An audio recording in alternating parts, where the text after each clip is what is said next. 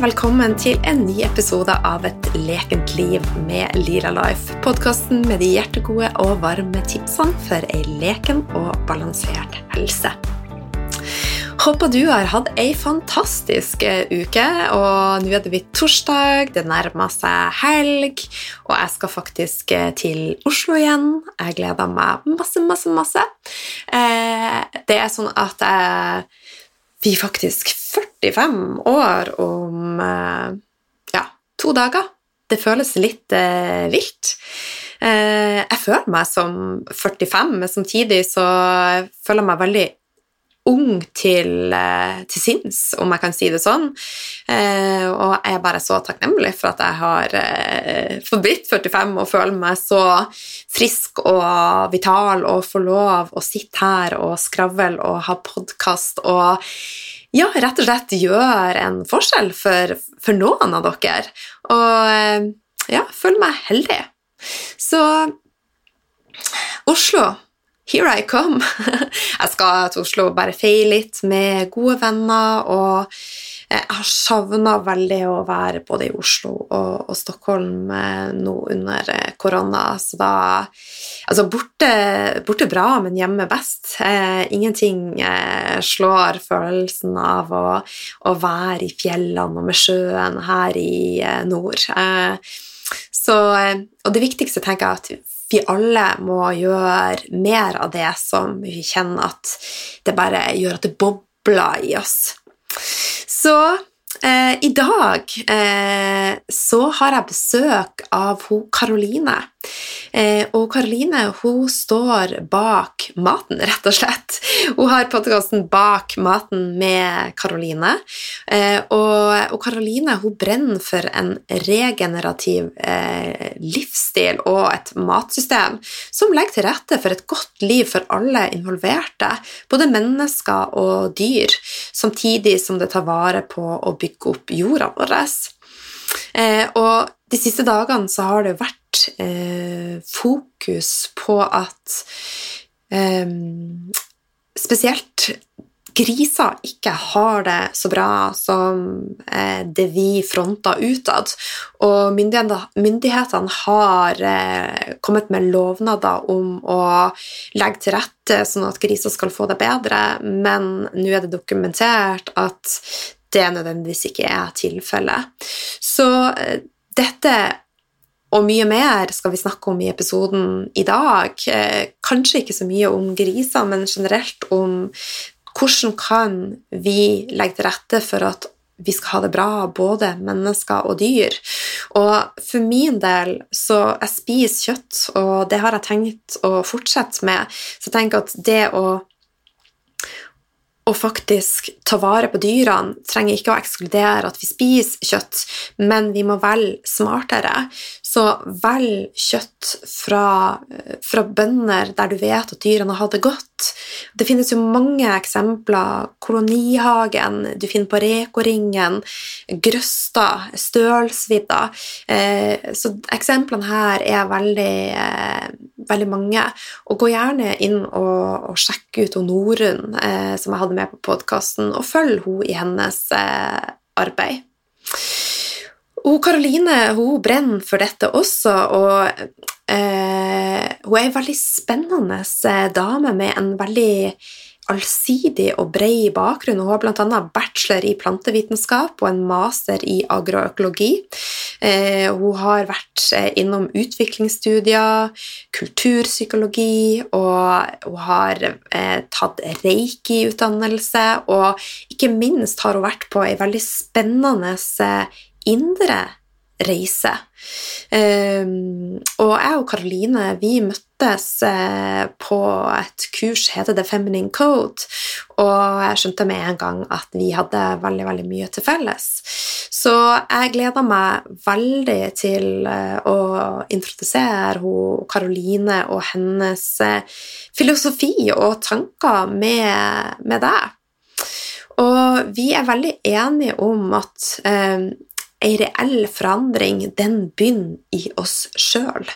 Så jeg tenker at det aller, aller viktigste du kan gjøre, og den enden jeg vil anbefale å starte i, er å være glad i deg sjøl. Øv på å være glad i deg sjøl. Eh, legg til rette for at du skal blomstre. Og i denne episoden så snakka vi bl.a. blant annet om en rolig start og gode rutiner som setter standard for dagen. Vi snakker om egenkjærlighet, vi snakker om intuitiv spising. Fra mørket til lyset. Ei reise innover. Potensialet i mat. Bak maten. Hvordan dyrke og nære oss sjøl med mat. Hvordan kan vi som enkeltmennesker gjøre en forskjell og bidra til mer bærekraftighet på alle plan?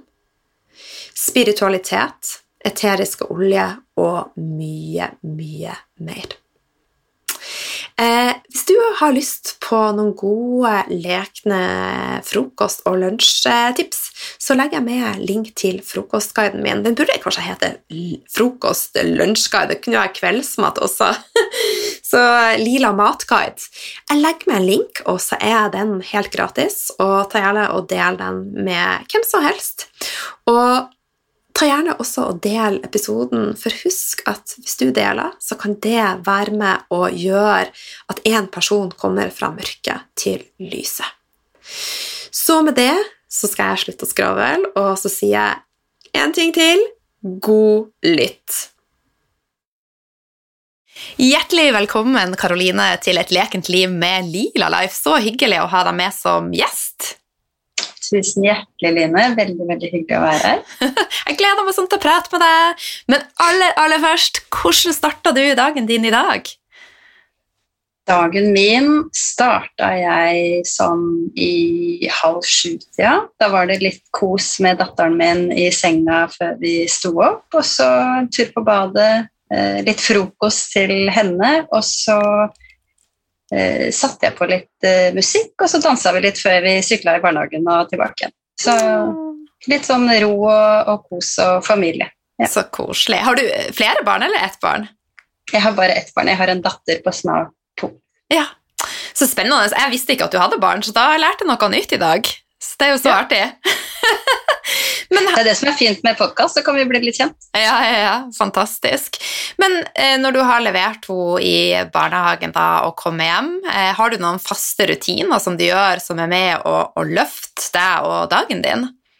Ja, helt klart. Jeg har brukt eh, egentlig ganske lang tid på å skape meg et liv som jeg eh, Som egentlig det å ta vare på meg selv er nesten like viktig som å jobbe. Da. Mm. Uh, så når jeg, når jeg, kommer tilbake fra, fra, barnehagen, så setter jeg meg inn på kontoret mitt um, og, og, begynner liksom uh, mine morgenrutiner, da, som er min måte å connecte med meg selv og mm. uh, puste litt og få litt rom. Um, og de kan gjerne bestå av De er litt forskjellige sånn fra dag til dag, men faste momenter er meditasjon og trekker gjerne noen tarot- eller orakelkort, som er veldig fint å liksom få i gang intuisjonen. Eh, eteriske olje lukter jeg på, har i diffuseren og, og bruker på meg selv. Eh, noen krystaller kan jeg ha i nærheten. Skriver dagbok, reflekterer litt. Det kommer litt an på, liksom, på den dagen, men, men, minst en time som jeg på en måte lander litt i meg selv da, og setter litt sånn standarden for dagen. Mm, så fint. En eh, frokost, da? Har du noen faste rutiner der? Hva bruker du å spise? Ja, nei, jeg spiser ikke egentlig frokost. Eh, ikke fordi det er noe poeng i seg selv, men jeg er ikke sulten på morgenen. Så jeg har egentlig litt sånn intuitivt skjøvet på, på, frokosten siden jeg gikk på videregående. Jeg, og liksom har venta til til jeg blir sulten, og det kan ta ganske mange timer. Mm. Men eh, jeg begynner, eh, jeg begynner, dagen eh, som regel med et glass med sitronvann. Og så når det begynner liksom å rumle litt i magen, og hvis jeg har tid og lyst, så lager jeg meg en, en juice med en juicemaskin som jeg har hjemme, med litt grønnsaker og frukt og ja. Mm. Deilig, deilig. Jeg kjenner sjøl mm. at uh, jeg også vidt mer og mer skjøvet over til det som kalles periodisk faste, uten å sette, vi trenger å liksom sette noe label på det. Men eh, det går gjerne tre, fire, fem timer fra jeg står opp til jeg spiser, og det funker kjempe, kjempefint. Mm. Jeg tror det handler om å lytte til hva som er riktig for uh, din kropp, ikke sant? og ikke, ikke, gjøre det hvis ikke det kjennes riktig ut. Nei. Og så er det jo veldig mange som eh, vi, altså kommer med spørsmål men setter vi ikke ned forbrenninga da når vi ikke spiser ofte og lite? Og der tror jeg at eh, vi er blitt opplært og programmert til at vi skal gjøre det. Og så egentlig så tenker vi lite på at fordøyelsen har godt av å få den roen. Hva er dine erfaringer med det? Ja, helt klart. Hvis jeg spiser for tidlig på morgenen, så, så blir jeg gjerne litt sånn kvalm og uvel. Og det, altså det kjennes ikke noe godt. da. Og jeg gjør jo det innimellom for på en måte den sosiale delen av det. ikke sant? Hvis jeg er eh, borte hos noen som dekker på til frokost tidlig, eller vi er på hotell og må spise litt før vi drar ut, og, og, og litt sånne ting. Men, men, erfaringen min er at det er, det er best for kroppen min å og, og, eller å lytte til den da, og vente til jeg faktisk er sulten med å spise. Mm. Men du, dette er jo første gangen du gjester podkasten. Eh, mm. Og eh, jeg kjenner deg litt, men jeg har allerede blitt bedre kjent med deg. Eh, og lytterne har lyst til å lære mer om deg, så kan ikke du fortelle litt mer om de reiser, og hva som har gjort at du er der du er i dag? Mm. Det kan jeg gjøre jeg tror nok, hvis jeg på en måte skal begynne et naturlig sted i historien, så må det være på um, videregående. Da var jeg egentlig et ganske mørkt sted og gjorde en del ting som, uh, som ikke var i tråd med den jeg hadde lyst til å være. Um, og jeg kom over uh, noe som heter uh, reiki. Tok mitt første reiki-kurs. hvis jeg skal si helt kort hva det er, så Ehm, så får du på en måte tilgang til en slags ehm, Man kan godt kalle det healing, eller en energi som er med å, eh, å skape balanse. Jeg, jeg, ser ofte på det som, eh, som vann. Eh, at den har litt samme liksom, energien, og at den går dit hvor det er dypest i deg. Akkurat sånn som vannet gjør. Det renner, det renner helt ned. Um, så, jeg, så, jeg, begynte da en, en, en reise innover for å, for å egentlig kunne leve et godt liv og kunne ha det bra med meg selv, fordi jeg hadde ikke det. Um, og, og, har egentlig Jeg har en, en, et veldig driv til å, til å, utforske, se hva som er på en måte bak fasaden, bak maska, eh, bak forsvaret både mitt og til menneskene rundt meg. Så, så det er på en måte en én del av historien, den derre selvutviklingsdelen. Mm. Mens den, den, andre delen er jo det her eh, mat og matplanter og landbruk, som er en veldig, veldig, stor del av meg, men som egentlig har litt røtter i, i dette med selvutvikling òg. Hva Altså, mat har et så enormt potensial for å få oss mennesker tilbake oss selv og, eh, og ha det godt med oss selv da, og, og, gi oss og nære oss og gi oss energi. Så, og så tror jeg nok at jeg har eh, kanskje ikke vært helt ærlig med meg selv eller eh, de rundt meg eller i jobben min når det gjelder å liksom kombinere de to. Da. Så jeg, jeg, begynner liksom å komme til et punkt nå hvor, hvor jeg kjenner at de henger veldig veldig nøye sammen. Og, ja, og at jeg må på en måte ta med den selvutviklingsdelen inn i, eh, en, inn i dette med mat. Mm, så spennende. Men opp gjennom årene så har du, har du vært ansatt, og nå jobber du som gründer? Uh, jeg har Jeg kan jo si litt om, om bakgrunnen min, litt sånn ja. formell bakgrunn, for nå gikk jeg jo veldig innover, på en måte. Ja. Ehm, jeg har en bachelor i plantevitenskap, eh, og så har jeg vært eh, koordinator i matutvalget i Spire. Jeg har en master i agroøkologi, og så har jeg reist veldig mye rundt i verden, både på studiereiser og, feltarbeid eh, knytta til mat og landbruk. Og da jeg var ferdig med å studere, så, så fikk jeg en toårig trainee-stilling hos fire av Norges største landbruksorganisasjoner. Mm.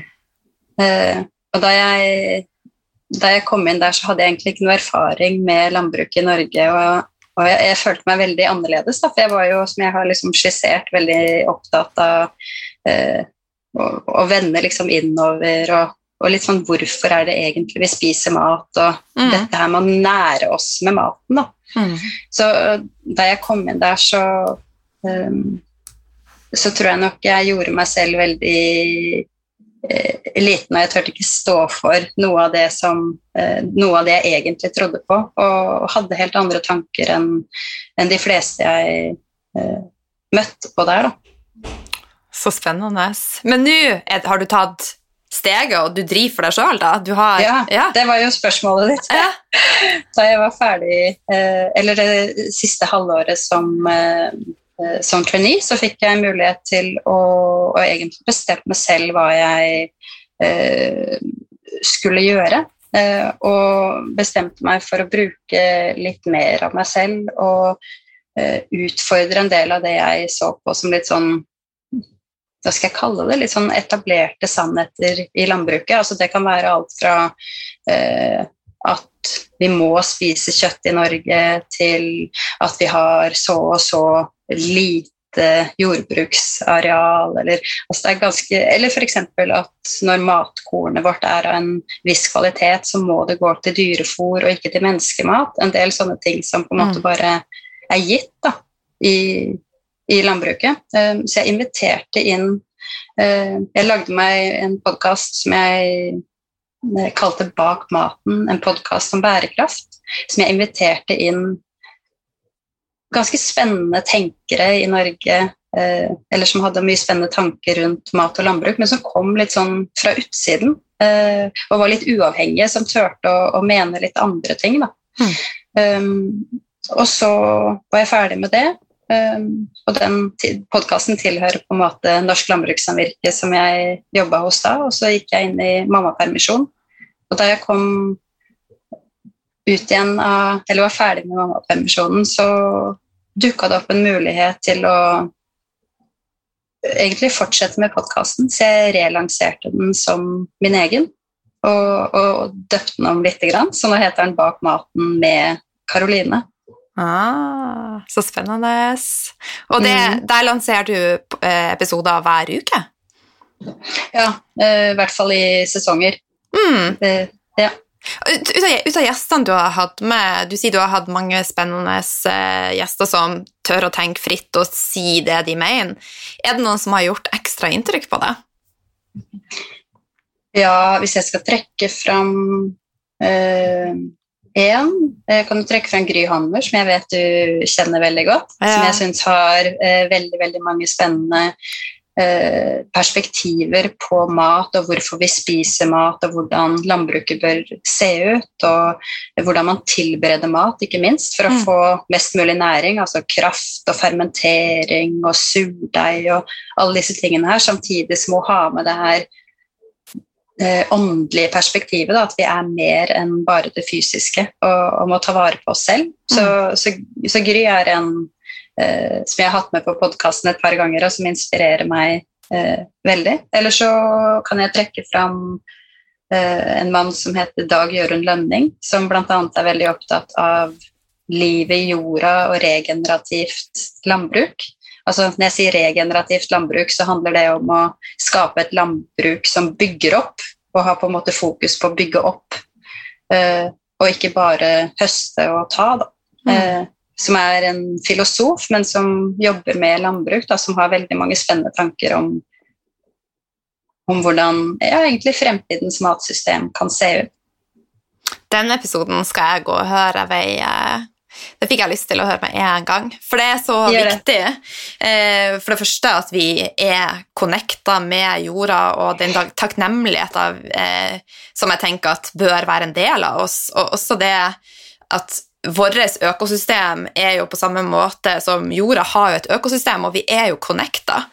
Så eh, jeg tror den livsstilen vi har nå, og der vi er veldig i et ego-mindset, nå er det ganske direkte, så tror jeg at det kommer til å stoppe opp hvis vi ikke snur noe nå.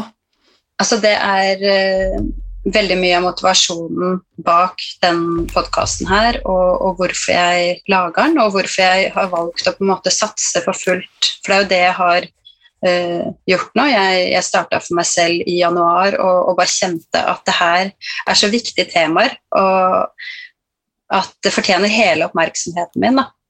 Um, og det å på en måte kombinere, som jeg var litt inne på i stad, og ta vare på matsystemet vårt ved å ta vare på oss. For jeg er helt overbevist om at matsystemet vårt er, og egentlig hele verden, er en refleksjon av hvordan vi uh, behandler oss selv, og hvordan vi har det med oss selv, da, vi mm. mennesker. Um, og at Eh, så lenge ikke vi liksom tar ansvar innover og, og, blir glad i oss selv, så, så, tror jeg ikke vi kan forvente mer av matsystemet vårt og verden rundt oss. Så rett og slett så må vi starte med å, å øve på å være glad i oss sjøl, og så vil den ballen rulle videre? Jeg tenker det. Mm, ja, det var en fin refleksjon, og jeg tenker at ja, jeg er enig. ja. altså, jeg, I mine kurs så kaller jeg jo eh, det med egenkjærlighet fundamentet. Så det er jo Ja, jeg tenker at det er, det er veldig, veldig viktig. Og vi er jo veldig mye styrt av ytre faktorer og hvordan vi ser ut, og hva vi har. Eh, og bygge opp sånn en falsk selvtillit kontra å jobbe innenfra. Jeg merker jo det ofte selv, at hvis ting går dårlig rundt meg, så, eh, så, så, har ikke jeg det noe bra. Da. Og, og hvis, måte, hvis, jeg får mye likes eller mye oppmerksomhet eller noe positivt skjer rundt meg, så blir jeg veldig glad. Og på en måte så, så kunne jeg ønske jeg var litt sånn frigjort fra akkurat det. At jeg kunne stå litt sånn sterkere i meg selv da, og ikke være så avhengig av alt som, uh, alt som skjer rundt meg. Og på en måte være såpass trygg på på den jeg er, at jeg, at jeg slipper å, å, bry meg om liksom, likes og dislikes, hvis, du, hvis, du skjønner hva jeg mener. Det gjør jeg. Jeg hørte faktisk en podkast om akkurat dette temaet, og prata kun om det. For hva er det som driver oss i sosiale medier? Er det et genuint ønske om å faktisk gjøre en forskjell, eller er vi, som du sier, litt sånn avhengig av denne feedbacken, og hva skjer hvis noen tar ifra oss Instagram og Snapchat og Facebook? Føler vi oss heil da? Så det er jo mm. interessante spørsmål. Mm.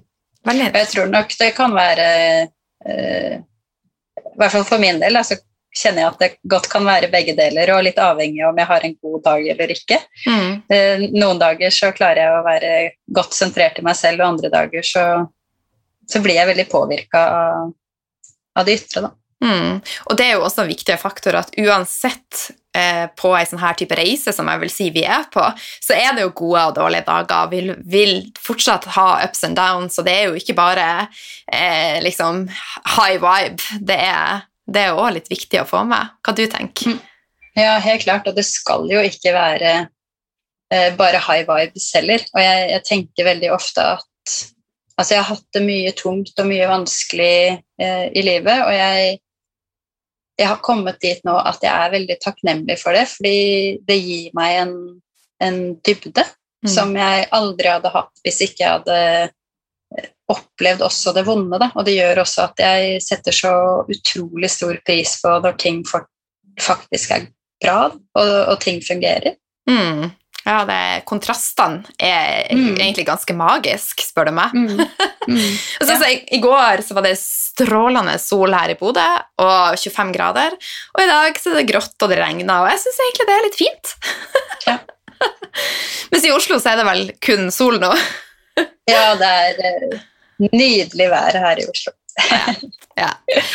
Men du, tilbake til det med mat. Eh, vi var innom det med podkasten din. Du har podkasten Bak maten med Karoline. Men hva er viktig for deg når det kommer til hvordan vi skal dyrke og nære oss sjøl med mat?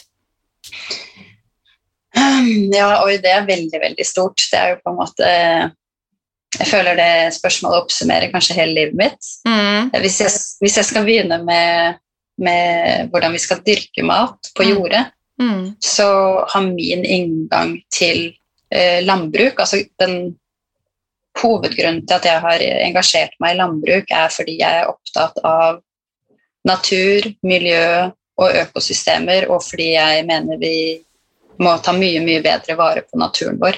Mm. Og sånn som det er i dag, så så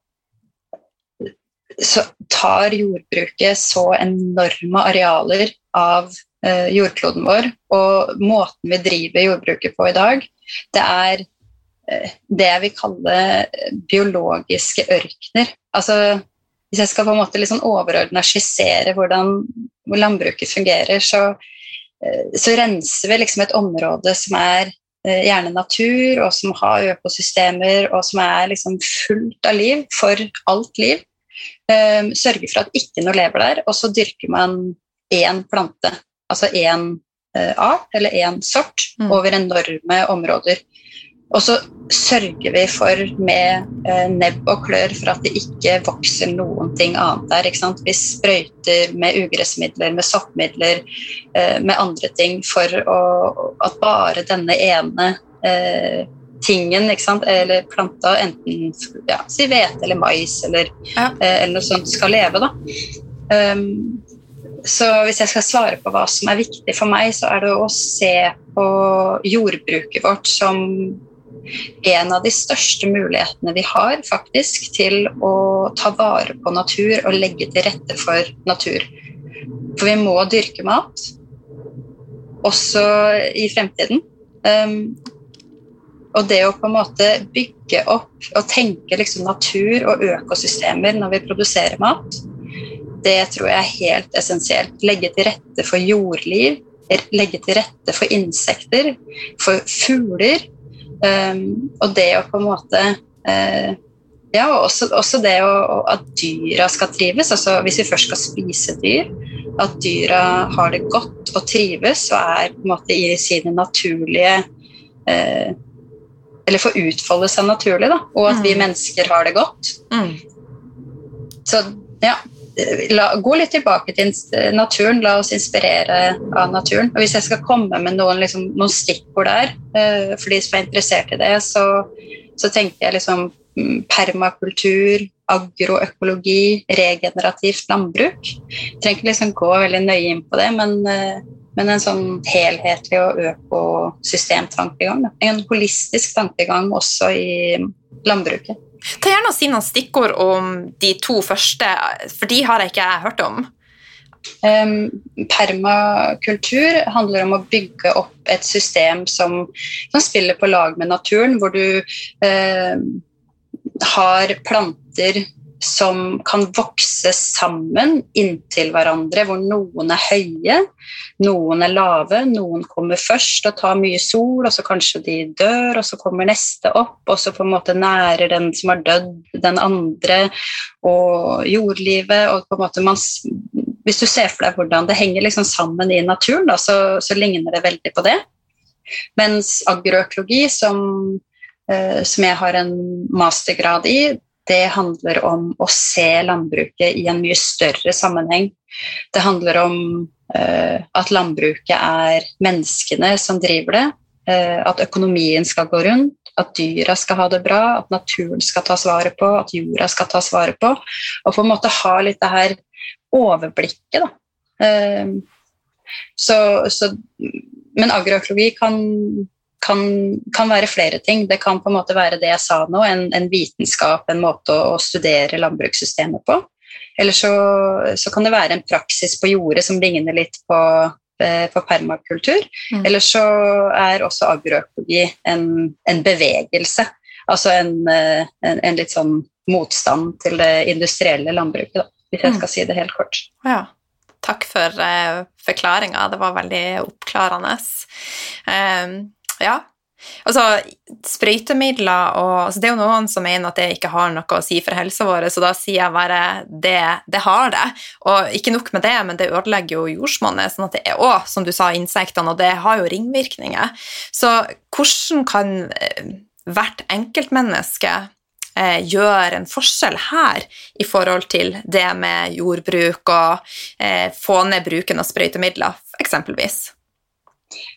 Um for meg så er det mange plan og mange lag eh, til det spørsmålet. Eh, hvis man på en måte skal, skal begynne litt sånn fysisk eh, overfladisk, hvis jeg skal kalle det det, så, eh, så, handler det om hvilke valg du tar i butikken, eh, og tenke på hvor du legger igjen pengene dine som mm. egentlig en stemmeseddel. å, og bruke Reko-ringer hvis du har det i nærheten av der hvor du bor, eh, bondens marked, handle økologisk, bli kjent med den lokale bonden din, eh, dyrke selv hvis man har mulighet til det, og du trenger ikke dyrke mye for at det skal utgjøre en forskjell. Da. Hvis alle hadde gjort det, litt salat, tomat, noen urter eh, Alt, alt eh, spiller en rolle, da. Eller andelsgårder, som er hvor på en måte én eller to gartnere eller bønder har ansvaret for et jordbruksområde, og så dyrker de mange forskjellige grønnsaker, og så betaler man en sum i, i året, og så høster man selv det man har, har lyst på av, av grønnsaker. Da. Så da får du på en måte nullreiste grønnsaker som, som er dyrka Som regel så er det dyrka økologisk. Så og med kjærlighet. Og med kjærlighet, ikke minst. Så det er på en måte kanskje de beste tipsa sånn eh, eh, Hvordan man skal handle og, og, og bruke pengene sine. Men, men, jeg tenker kanskje at eh, som vi var inne på i stad, det det handler aller mest om, er å ta ansvar for seg selv. Og respektere seg selv og, og bli litt kjent med hvilke verdier du har. For jeg tror vi lever i en verden hvor hvor veldig mange ikke ikke har det rommet de egentlig ønsker seg til å handle i tråd med verdiene sine. Altså det, et eksempel kan f.eks. være at de aller fleste tenker at vi bør behandle dyr bra, og at de er imot dyreplageri. Eh, men så vet vi at det er veldig mange tilfeller av jord- eller landbruksdyr, produksjonsdyr, som virkelig ikke har det bra også i Norge. Og for meg så, så handler det om å være fanga i et system som, som, ikke gir noen andre muligheter. Da. og at man ikke har overskudd til å komme seg ut av det. og At man blir liksom fanga i en sånn negativ uh, spiral. Så det å på en måte skaffe seg det lille rommet så man kan begynne på den reisen til å bli kjent med seg selv og sine verdier, så man egentlig fyller livet med litt mer bevissthet. Da. Så man ja, kan ta de valgene som er gode for deg, og da tror jeg også man tar valg som er gode for, eh, for jorda. Mm. Og jeg vet jo at det å skal være litt detektiv og det koster jo lite grann, eh, og veldig mange er jo der at de velger å stole på myndighetene i forhold til kvaliteten på kjøtt, at dyr har det bra, og at kornet vi kjøper, har vi dyrka på den best mulige måten. Så vi må jo faktisk litt ut av denne boksen, da, og jeg tenker at vi kan egentlig ikke stole på så veldig mange. Nei, og det også er en, en rød tråd for mye av det arbeidet jeg gjør nå og kommer til å gjøre framover. Det å um, egentlig vise folk hvordan man kan bli enda bedre kjent med sin egen intuisjon og gi dem verktøy for mm. å bli kjent med egen intuisjon. For jeg tror vi lever i en verden også som har utrolig mye støy, og alle mener noe om alt, og spesielt hva akkurat du skal gjøre, og hva du skal spise. Mm. Så det å på en måte være så på plass i seg selv at man klarer å kjenne etter hva er riktig for meg For jeg tror ikke at det som er riktig for meg, er det som er riktig for deg. Og da kan ingen andre mene noe om hva du skal gjøre eller hva du skal spise, selv ikke myndighetene, dessverre. Um, ja. Mm, jeg er enig i det. Men da eh, altså Vi snakka jo om det i forhold til jordbruk og dyrking av mat. Og da kan vi jo nå ta del to i forhold til det å nære oss sjøl med god mat. Hva er dine tanker der? Altså, bruk intuisjon. Andre, andre ting du vil tilføye? Ja I forhold til råvarer, hvordan går man frem til å finne naturlig mat som er bra for både kropp, eh, kropp og sjel? Ja, det også er et, eh, et, veldig stort spørsmål som jeg har brukt uh, uh, egentlig hele livet mitt på å, eh, å, finne ut av. Og jeg vet liksom ikke om jeg egentlig kan si noe generelt her, men, men jeg, jeg, tenker liksom det viktigste er å, ja, å bruke intuisjonen, bli kjent med hva som fungerer i, i din kropp. Og så er det jo selvfølgelig noen noen ting som, eh, det å på en måte få i seg nok grønnsaker, tenke på levende mat, sette seg litt inn i eh, dette med prosessering av mat, f.eks. At eh, det her som heter ultraprosessert mat, som som egentlig går på å ta en råvare som i utgangspunktet kanskje har vært sunn og god, men bearbeida den så hardt at næringsverdien eh, har forsvunnet. Da. Og ikke bare at den har forsvunnet, men at den kanskje eh, ikke er god for kroppen i den forstand at den skaper betennelser og overspising eh, og en del sånne ting. Så jeg tror nok vi har ganske mye å gå på i matsystemet vårt og hjemme på kjøkkenet også, i forhold til å eh, gå litt tilbake til røttene, kanskje. Hvordan var det vi spiste og næra oss i tidligere tider? Jo, vi spiste, vi spiste råvarer. Vi spiste mest frukt, grønnsaker, nøtter, bær, og så spiste vi kjøtt når vi, når vi hadde tilgang på det fra dyr som, eh, som hadde det godt. Da. Men jeg tror også at det er veldig, veldig viktig å ikke henge seg for mye opp i det å at maten skal være perfekt. Da. Jeg tror det er like viktig å puste dypt når man spiser, før og etter man spiser. Å sitte sammen med, hvis du har anledning til det, sitte sammen med noen og spise. Eh, være takknemlig for maten. Det å på en måte ha gode rammer rundt, eh, rundt maten, tillate seg selv å kose seg, mm. skeie ut litt innimellom og liksom være litt raus med seg sjøl, da. Jeg er helt enig. Legg bort mobilene og vær til stede mm. i, eh, i måltidet. Helt klart. Så, men det har vært jeg vil si en liten trend at, eh, at frukt er litt farlig. Og det så, ja, påvirker blodsukkeret for mye, og fruktose er ille for, eh, for levra. Men jeg har jo åpna opp for mer og mer frukt, og jeg syns det er helt fantastisk. Det er sånn, mm. Eh, jeg har så dilla på, eh, på vannmelon at jeg kunne ha spist det til frokost og lunsj og, og middag. Mm. Hvilken frukt er det du er mest glad i, da? Um, jeg må si at den frukten som uh, gjør meg best, uh, har vi ikke tilgang på hele året. Det er lokalprodusert norsk frukt. Eh, gjerne økologisk, selvplukka. Eh, markjordbær, oh. blingebær Altså litt eh, eh, Litt sånne ting. Men eh, for å, for, å, svare litt på det du sa om frukt også, så når jeg kommer over sånne ting, så syns jeg det er veldig nyttig å skru av huet litt, og ikke la tankene liksom spinne med på disse som gjerne er sånn nyhetssaker i, i VG og Dagbladet for å, å skape klikk. da. Mm.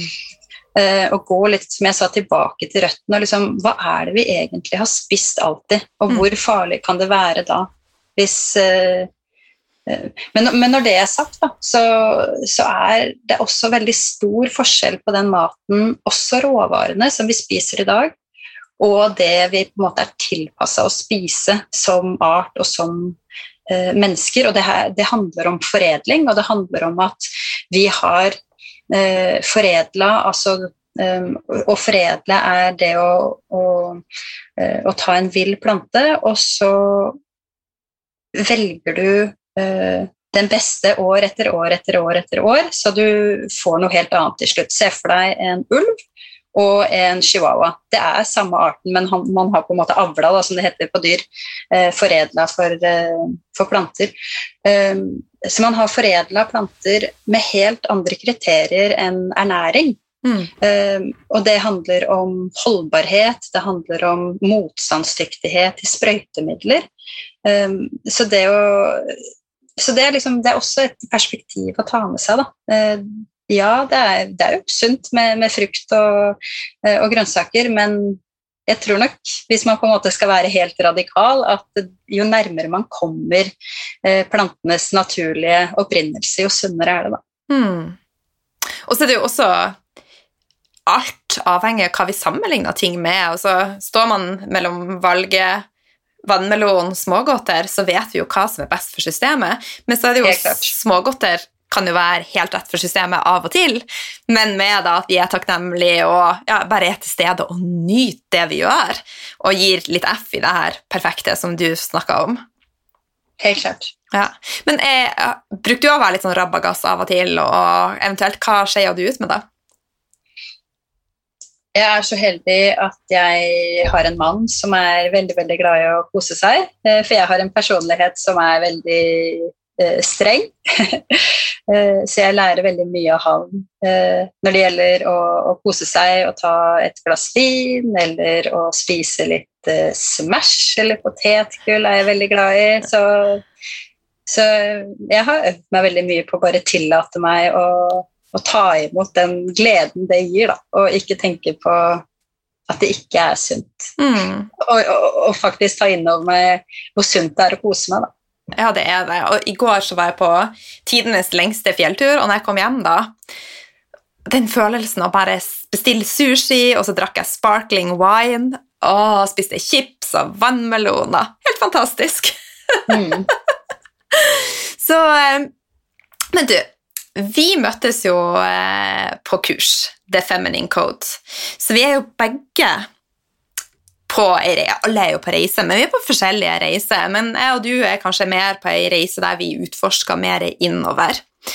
Eh, så jeg har lyst til å høre litt mer om de indre reiser, og hvordan den starta. Altså, den starta den helt tilbake når, som du sa tidlig i podkasten, på ungdomsskole? Fortell litt om ja. Ja. ja, den gjorde egentlig det. Um, jeg har også vært så heldig og hatt en uh, mamma som uh, begynte på denne reisen før meg, og som har tråkka opp veldig mange stier, og som har tilgjengeliggjort veldig mye informasjon og, uh, og, ting for meg, da, som har gjort det, det lettere for meg. Men ja, jeg, den begynte på, begynte på videregående. Og så kom det også til et punkt som, som jeg trengte å, å, ta litt eh, avstand fra det hele. Jeg begynte å studere på universitetet, eh, studere veldig sånn naturvitenskap og, og, fornekte alt som hadde med åndelighet og spiritualitet å gjøre. Eh, og så kjente jeg for ja, tre-fire eh, år siden at jeg hadde veldig behov for å, å ta det inn igjen i i livet mitt at det var, at det var noe som mangla, at det var noe som ropte på meg eh, på en måte. Mm. Og det som har vært eh, egentlig det viktigste på denne reisen for min del, har vært å bli kjent med hvem jeg er, og, og finne litt tilbake til det. Jeg tror også vi lever i en verden hvor det er veldig lett å, å bli lært til å passe inn. Da. Mm. Ikke være den man er, men å tilpasse seg eh, de strukturene og rammene vi har eh, rundt oss. Så det å på en måte bli kjent med min stemme, min intuisjon og min sannhet, da. Eh, og det er spesielt noe som har eh, tatt av det, etter jeg ble mamma, det, det siste året. Og da jeg var ferdig, eller da jeg var i mammapermisjon, så visste jeg at jeg ikke hadde noe jobb å gå til, for trainee-perioden min var ferdig. Mm. Jeg kjente også dypt inni meg at jeg ikke skulle søke på en eneste jobb. Så selv om alle rundt meg ba meg om å, å søke på jobber eller på en måte forventa det av meg, så, så, søkte jeg ikke på en, en, eneste jobb. Jeg var helt sikker på at det kom til å komme en mulighet. Eh, og det gjorde det jo. Det kom, jeg fikk muligheten til å begynne opp med podkasten igjen. Og og gjorde det noen måneder samtidig som jeg hadde en, en deltidsjobb i, i, Bondens marked. Og som jeg sa i januar, så, så, så tok jeg steget eh, fullt ut og, og, kjente at dette må jeg satse helt fullt på. Mm. Uh, og det er der hvor jeg uh, er i dag. Uh, og det er Det er vanskelig, og det er ganske Det er tøft og, og mye frykt, da for å, å, være den jeg er, og stå for eh, det jeg er, og, og, ikke gjemme meg i eh, og, og, prøve å passe inn. Da. Eh, og spesielt det her med å, å, å være så åndelig så, eller så spirituell, om du vil, som, som det er å ha en så uh, intuisjonsbasert livsstil. Da. Um, har vært veldig vanskelig for meg å, å liksom introdusere i jobben min og i podkasten og, og, sånne ting. Fordi jeg er redd for å miste kredibilitet og eh, liksom ødelegge merkevaren min og, og, hele den pakka der. Men, men samtidig så, så, kjenner jeg at det er riktig vei å gå. Da. Og jeg, så selv om det er mye frykt der, så, så tror jeg også det er veien til vekst. Mm. Å møte frykten sin. Da. Veldig, veldig eh, hva skal jeg si, eh, ikke imponerende. Det er jo imponerende også, men eh, det, du er et bra forbilde. For at eh, jeg tror det er så mange som legger lokk på den de egentlig har lyst til å være, for, rett og slett pga. frykt. Da. Men hva gjør du sjøl for å, å, jobbe med egen frykt? Gi slipp? Ja, nei, jeg bare banner litt, og så gjør jeg det. Nei, men det er ikke Hva skal jeg si? Det er ikke så mye annet å gjøre enn å bare grue seg og, og ha vondt i magen, og så gjøre det likevel. Men, men altså en ting som jeg har lært meg eh, eh, de siste åra, som er så utrolig nyttig for meg å skille mellom, det er hva er eh, frykt for vekst? og hva er på en måte frykt og feil for meg, da. For de to tingene er to veldig, veldig forskjellige ting. Den ene er måte viktig. kjempeviktig, og de kan kjennes litt like ut, men den ene er liksom eh, veien din, som bare er eh, frykt for å vokse, og den andre veien er hjertet ditt som sier nei, da. Mm. Så det å på en måte lære seg å tune inn der og kjenne forskjell på de to, det tror jeg er en gullgruve. Jeg er helt enig. og Bare for å gjøre det enda tydeligere, sånne eksempler kan jo være frykt for å si nei hvis du har noen som du kjenner det er feil å være sammen med. Du kjenner at det knyter seg i magen, det knyter seg i hele systemet ditt. Men så er du redd for å si nei for å såre og for å ja, vi ikke vi akseptert. Og så typisk frykt kan jo være eh, som er positiv for oss, holde et foredrag. Det å jeg har kjempelyst til å fly i minifly, men jeg er jo kjemperedd. Men jeg vet jo at det vil være med å løfte meg. Ja, ja helt klart. Gode eksempler. Ja. Men du, eh, du nevnte det med åndelighet og spiritualitet. Vil du si noe om hva spiritualitet er for deg? Ja, jeg tror nok det handler, eh, som jeg har sagt, i aller høyeste grad om å finne min vei Mm. Å finne min stemme og lære meg å lytte til min intuisjon, selv om det er vanskelig og, og selv om det gjør vondt. Og så kan jo det store spørsmålet være hva, hva er intuisjon? ikke sant? Det, det, er kanskje ikke så viktig om det er magefølelse eller eh, om det er eh, engler eller andre hjelpere man har rundt, eller om det er en høyere del av. din egen sjel, eller Men det å på en måte ta imot det som ja, guiding, egentlig, mm. som kommer fra et sted som ikke er ego eller eh, tankene dine. Da. Og en måte som kan være veldig fin å skille hva som er eh, tanker og ego, og hva som er intuisjon er at intuisjon gjerne er det aller første som dukker opp. Før du rekker å tenke, så får du liksom en, en, et lite clou, en følelse av, eh, av, noe. Og det kan være helt irrasjonelt. Gjerne er det det. Uh, og du skjønner ikke hvorfor, men hvis du på en måte følger, følger det da, og, og, ikke begynner å tenke, for idet du begynner å tenke, så er du inne på en helt annen del av deg, som er veldig fin å ha det òg. Man trenger å tenke, og man trenger å analysere ting. og eh, Når man jobber, så, så, må man ha med hodet, men bare å, å, lære seg litt hvordan man kan bruke de på forskjellige måter. Mm. Eh, jeg tenker gjerne gjennom ting, men det siste ordet er alltid magefølelsen min, eller intuisjonen min. Og gjerne hvis ting dukker opp gang på gang. Eh, og en sånn liten ting som jeg tenker ah, det her orker jeg ikke forholde meg til, så er det gjerne intuisjon også. Hvis du skulle bare gi noen få tips til hvordan du kommer best i kontakt med din egen intuisjon, hva det vil være? Det må være å ha nok tid til meg selv. Hvis ikke jeg får på en måte gjort mine morgenrutiner og, og satt av nok tid til meg selv, eh, og gjerne i løpet av de første tre timene eh, i løpet av dagen, så kan jeg bli en dårligere versjon av meg selv. Eh, og spesielt eh, rett før jeg har mensen, altså sånn i det man kaller PMS. Eh, og det å på en måte eh, ta hensyn til eh, syklusen min har vært eh, utrolig viktig. Fra etter mensen og, og, opp til eggløsning og rundt eggløsning så har jeg gjerne mye mer energi. Jeg har lyst til å være sosial. Jeg har mye mer å gå på. Det er ikke de rutinene så viktige for meg som eh, jo, den uka før jeg har mensen og når jeg har mensen. Da, da trenger jeg å, å, å, sette av mye mer tid til meg selv. Så, og hva jeg fyller den tiden med, det, ja, det er litt sånn jeg, eh, som jeg sa i stad. Det kan være meditasjon eller å skrive litt eller trekke noen kort eller bare puste litt. Være i fred, rett og slett. Høre litt etter hva som foregår inni hodet mitt. Mm.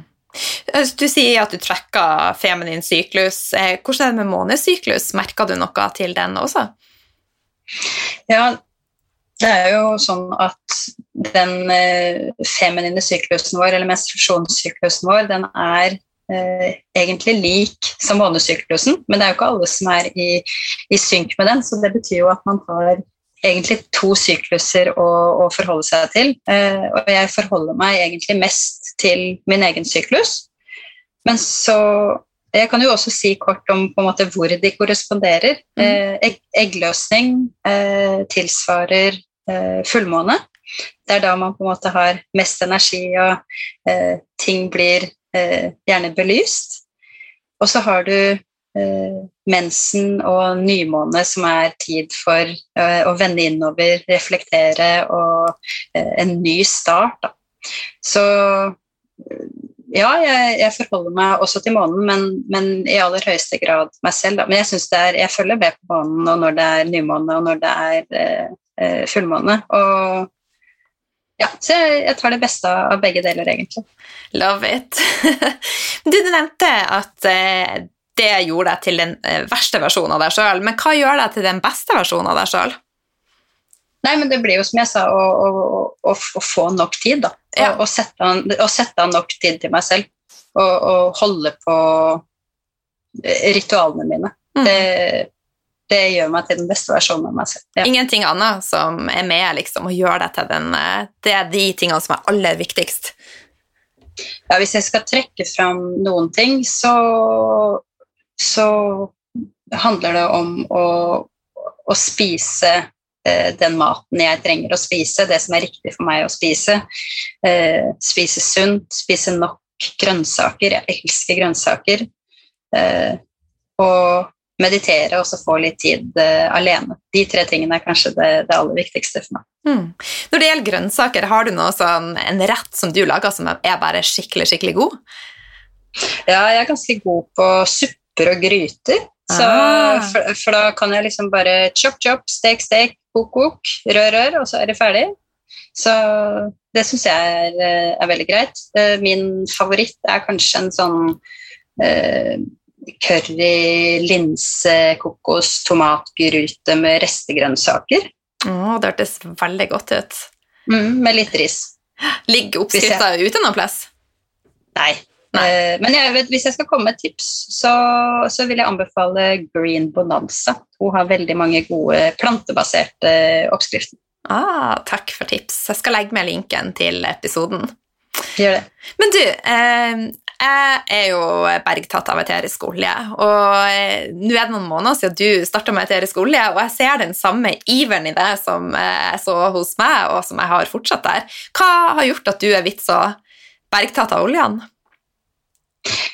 Hvis jeg skal være eh, helt ærlig, og det liker jeg jo å være, så, så, er det akkurat som de eteriske oljene vekker noe i meg. Jeg er, jeg er, en av de som tenker at vi har levd uh, flere ganger, at vi har en sjel som, som, kommer tilbake flere ganger. Og det er akkurat som de tar meg tilbake til en annen tid og til en, en kunnskap og visdom som ligger gjemt i meg. da og ikke bare gjemt, egentlig, men uansett om man tror på eh, at man har levd flere ganger eller ikke, så, så, har vi en historie som menneskehet hvor den forbindelsen og visdommen eh, til og i naturen, den, den ble vi eh, forfulgt for. Vi ble brent, og vi ble eh, drukna, drept, ikke sant. For, så vi var nødt til å kaste fra oss og gi slipp på, på veldig mye av, eh, av disse tingene. Og jeg tror vi lever i en tid nå hvor mye av det må tas tilbake, og at det er trygt eh, å ta det tilbake. Så det er akkurat som liksom hele den historien utspiller seg litt når jeg åpner en flaske med eteriske oljer og bare kjenner at åh, nå er tiden inne for å, eh, ja, for å ta de fram igjen. Og, og veldig, en, en, veldig stor del av det for meg er hvilken rolle eteriske oljer faktisk har for det emosjonelle og, og, og, den spirituelle delen av oss. Og ikke bare, For det begynner jo å bli bra vitenskapelig eh, dokumentert at de har en effekt på uh, fysisk på kroppen og, og, følelsene våre, men at de også kan være verktøy for å, å komme i kontakt med oss selv og hjelpemidler da, på veien til å, uh, å kom, ja, komme i kontakt med det her litt uh, det spirituelle. Da. Mm. Hvordan bruker du eterisk olje gjennom en vanlig dag? Oh, jeg bruker de så mye, og til det meste, egentlig. Eh, jeg har de for det første i diffuser i, i rommet eh, nesten hele dagen.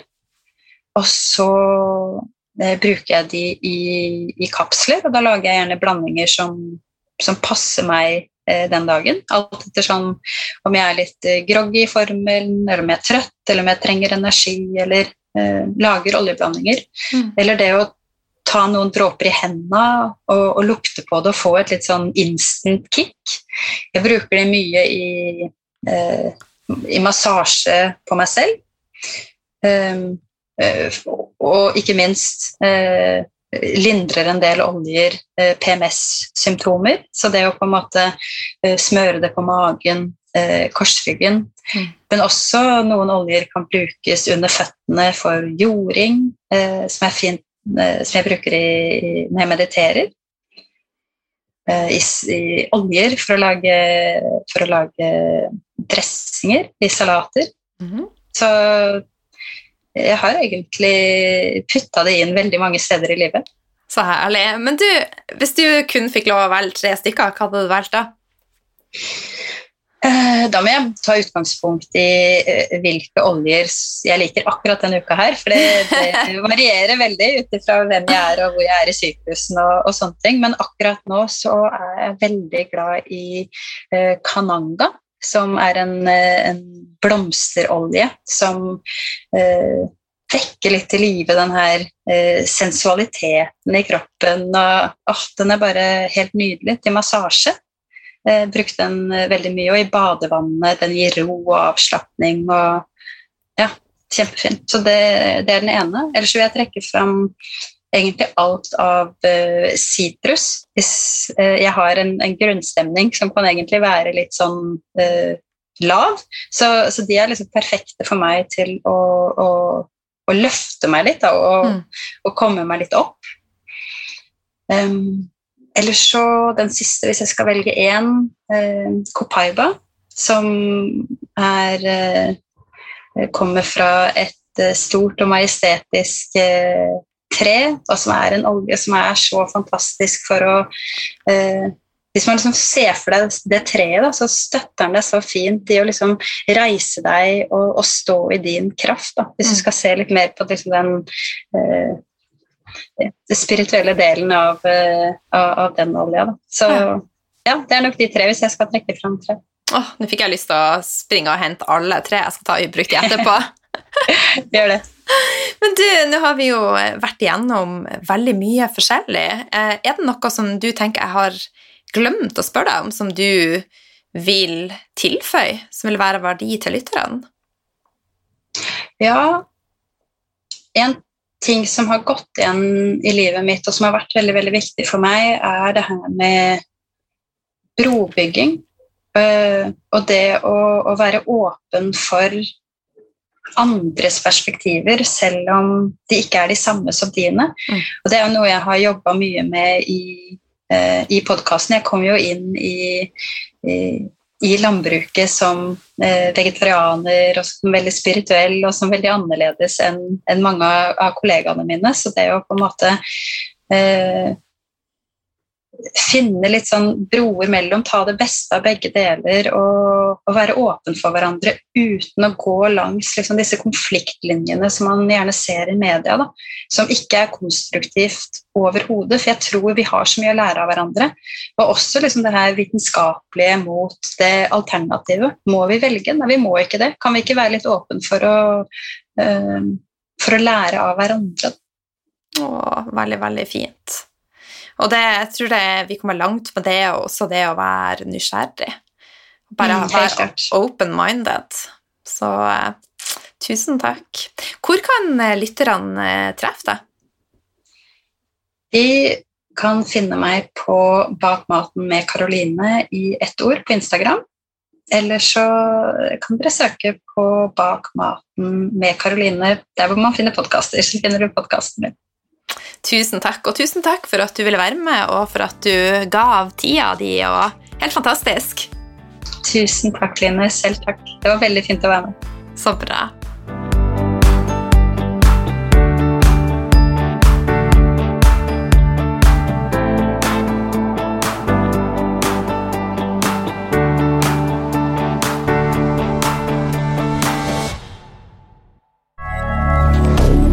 moderne media.